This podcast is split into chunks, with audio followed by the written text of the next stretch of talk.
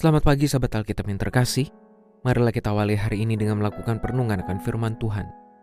Bacaan Alkitab kita pada hari ini berasal dari Galatia 4 ayat 1 sampai 11. Yang kumaksudkan ialah selama seorang ahli waris belum akil balik, sedikit pun ia tidak berbeda dengan seorang hamba, sekalipun ia tuan dari segala sesuatu tetapi ia berada di bawah perwalian dan pengawasan sampai pada saat yang telah ditentukan oleh Bapaknya.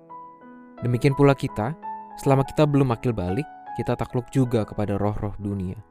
Namun setelah genap waktunya, Allah mengutus anaknya yang lahir dari seorang perempuan dan takluk kepada hukum Taurat. Ia diutus untuk menebus mereka yang takluk kepada hukum Taurat, supaya kita diterima menjadi anak.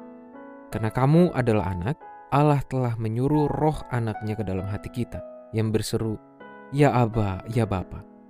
Jadi kamu bukan lagi hamba, melainkan anak. Jikalau kamu anak, kamu juga alih-alih waris oleh perbuatan Allah. Dahulu ketika kamu tidak mengenal Allah, kamu menghamba pada ilah-ilah yang pada hakikatnya bukan Allah. Namun sekarang sesudah kamu mengenal Allah atau lebih tepat lagi, sesudah kamu dikenal Allah, mengapa sekarang kamu berbalik lagi kepada roh-roh dunia yang lemah dan miskin dan mau mulai menghamba lagi kepadanya. Kamu dengan teliti memelihara hari-hari tertentu, bulan-bulan, masa-masa yang tetap, dan tahun-tahun.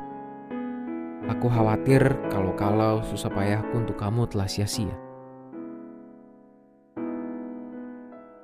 Hak waris tidak jarang menjadi objek perebutan di antara anggota keluarga hingga dapat merusak hubungan para anggota di dalamnya. Berita-berita perihal perseteruan di antara kakak beradik kandung untuk memperebutkan harta warisan tidaklah sulit untuk kita temui di ruang publik masa kini. Ketidakmampuan dan ketidakdewasaan anggota keluarga untuk menyikapi warisan pun menjadi pemicu yang sering kali menghancurkan hubungan saudara demi mendapatkan materi warisan tersebut. Persoalan warisan memang dapat hadir dalam suasana konflik yang jauh lebih rumit dari sekedar perebutan harta materi. Namun kenyataan sosial semacam ini meskipun menyedihkan, telah menunjukkan bahwa persoalan harta materi memang masih menjadi hal yang sangat penting bagi sebagian orang. Bahkan mereka rela untuk menukar keharmonisan hubungan keluarga dengan harta tersebut. Paulus juga menggunakan konsep warisan sebagai bagian dari hubungan antara umat dengan Tuhan. Ia tentu tidak sedang mengajar jemaat Galatia menjadi materialistis untuk menuntut Tuhan memberikan harta materi kepada mereka. Namun dengan memosisikan umat Tuhan sebagai ahli waris, Paulus ingin menekankan kepada jemaat bahwa semestinya mereka menganggap penting relasi dan keselamatan yang telah diberikan oleh Tuhan. Kenyataan yang pada saat itu terjadi, yakni ketika mereka menukarkan iman kepada Kristus dengan perhambaan kepada hukum Taurat, telah dianggap oleh Paulus sebagai ahli waris yang menolak warisan.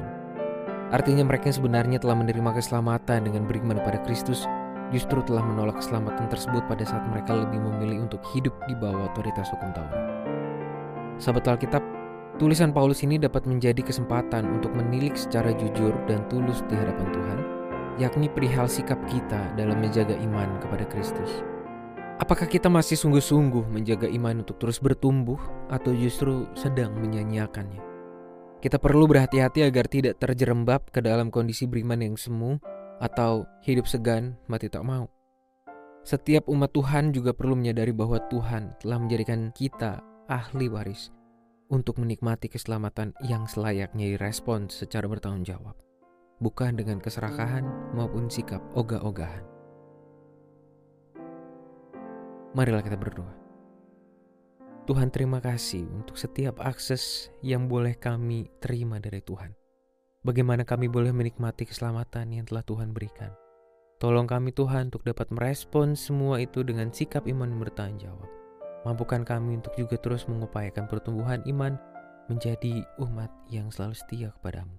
Hanya di dalam nama Tuhan kami Yesus Kristus kami berdoa dan menyerahkan kehidupan kami. Amin.